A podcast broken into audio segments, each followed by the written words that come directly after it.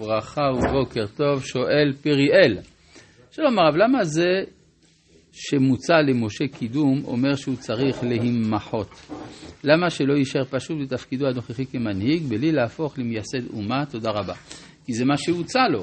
הוצע לו למחות את כל ישראל ושהוא יקבל קידום. אז הוא אומר הפוך, שהוא יימחה ושישראל יתקיימו. זה בדיוק אה, אה, הצעה נגדית פשוט.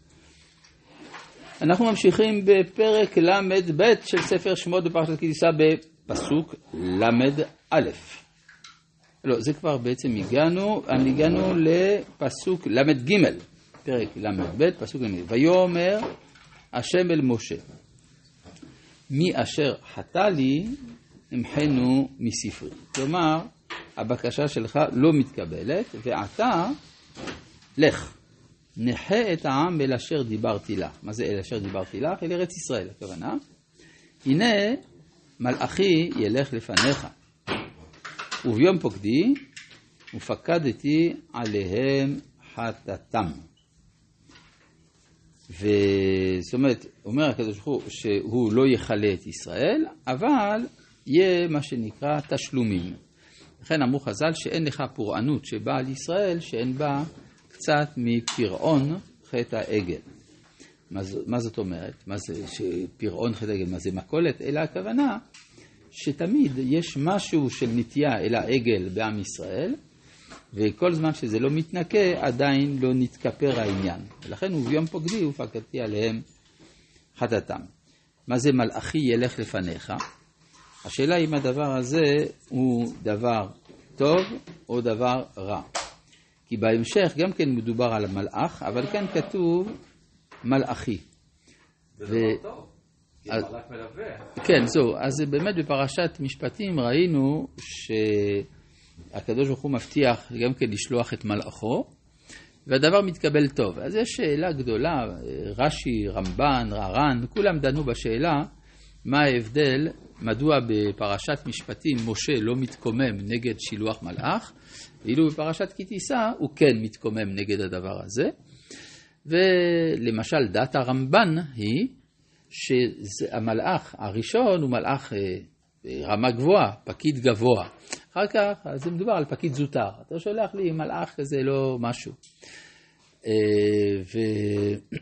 וכאן בפסוק הזה הנה מלאכי ילך לפניך, זה עדיין לפי הערך של המלאך ברמה גבוהה, כן? מה שנקרא שר הפנים. כן. אה, מה? מה? שמתנגד לזה. לא, פה הוא לא מתנגד. המשך. בהמשך כן, אבל פה הוא עוד לא מתנגד.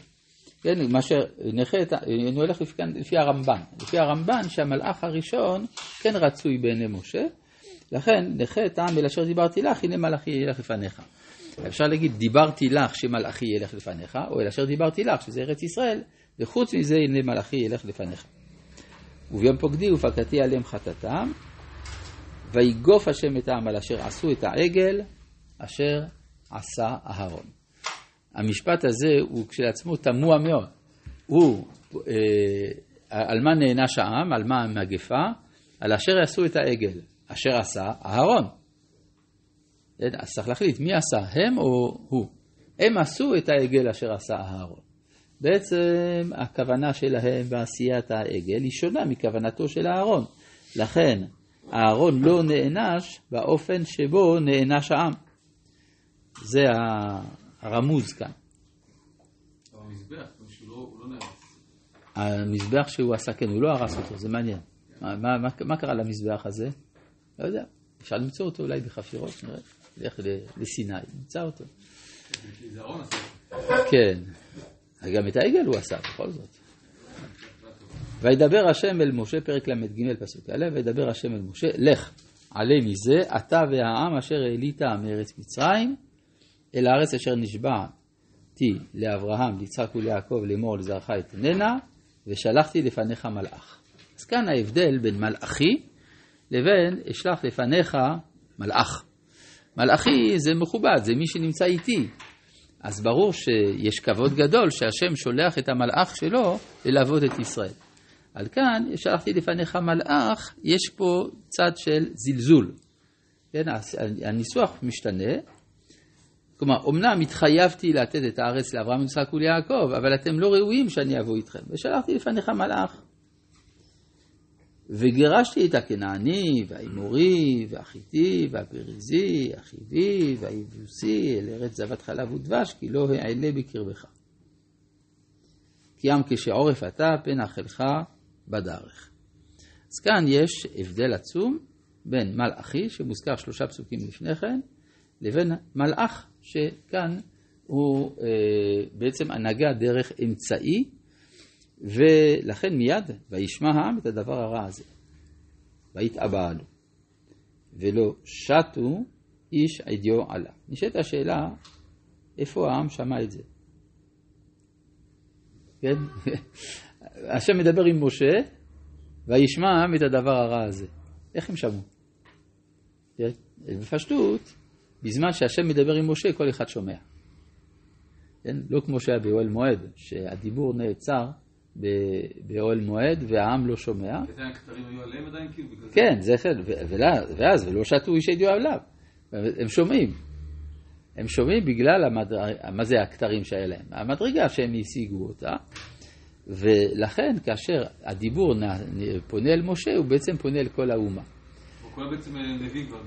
נכון, מעין נביאים כאלה. אגב, זה גם המשמעות של מה שכתוב במסכת אבות, שמשה קיבל תורה מסיני ומסרה על יהושע, יהושע לזקנים זקנים לנביאים.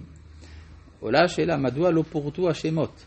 כמו שאחר כך אתה מוצא אצל התנאים שכן, ואצל הזוגות שכן פורטים את השמות. באמת הרמב"ם, בהקדמתו למשנה תורה וגם בהקדמתו למשנה, מפרט את שמות הנביאים. אבל המשנה לא פירטה. המהר"ל מפראג מסביר שזה משום שבזמן הנביאים התורה לא מסורה בידי נביא פלוני, היא מסורה בידי הנבואה. כלומר, היא מסורה בידי האומה בכללה, זו תופעה קולקטיבית. ולכן אפשר להגיד שמסר לישעיהו. מסר לנביאים. הנבואה בכללה היא הפועלת, וכל אחד שומע לפי מדרגתו. וזה גם מה שמצאנו לגבי הכובש את נבואתו, שמיתתו בידי שמיים, אבל שואלת הגמרא מי מתרה בו. כן? הרי צריך התראה. אז אומרת הגמרא, חבריו הנביאים. חבריו הנביאים גם הם שמעו, רק שמעו שזה הופנה אליו, ולכן הם באים אליו בטענות, למה אתה לא אומר את נבואתך. כן, אז גם פה, וישמע העם את הדבר הרע הזה, זה, זה מדרגה עצומה של האומה, שהם שומעים את מה שנאמר למשה. ויאמר השם אל משה, אמור אל בני ישראל. אתם עם כשעורף, רגע אחד אלה בקרבך וכיליתיך, אז לא כדאי שאני אבוא. ועתה הורד עדייך מעליך ודעה מה יעשה לך. כלומר, להוריד את העדיים. מה זה העדיים? לפי הפשט, כמובן תכשיטים, אה, מה שמהווה כבוד לאדם. ויתנצלו בני ישראל את ידיעם מאחורי.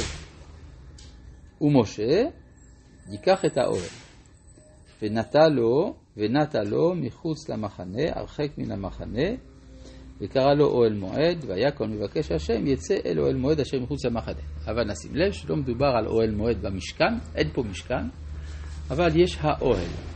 איזה אוהל זה? אפשר להגיד שזה האוהל של משה, האוהל הפרטי. אבל פשוט מדובר על האוהל שבו הוא שם את שברי הלוחות. הרי ברור שהוא לא השאיר את שברי הלוחות בתחתית ההר, סתם ככה פזורים, אלא הוא הכניס אותם לתוך איזה ארון, לא הארון שנעשה אחר כך, אלא שבאיזה אה, ארגז שהוא בנה, והוא שמר אותו בתוך האוהל. זאת אומרת, ומשה ייקח את האוהל, לא סתם אוהל, את, את האוהל, ונתן לו מחוץ למחנה. הדבר הזה משמעותו שזה פעולה של נזיפה, כן? כלומר, הקדוש ברוך הוא לא שוכן בתוככם, הוא שוכן מחוץ למחנה. ולכן מי שרוצה צריך לבוא. ו... והיה כבוא משה האוהלה, ירד עמוד ענן ועמד פתח האוהל ודיבר עם משה, וראה כל העם את עמוד הענן עומד הפתח וקם כל העם והשתחוו איש פתח אהולו. אז אה, זאת אומרת שהייתה עבודה, כמו בבית המקדש בעצם, אבל לפני שיש מקדש, יש בעצם, אין פה מזבח, אבל קודש קודשים יש. רק שקודש הקודשים נמצא איפה? נמצא לפשטות בין הר סיני לבין המחנה.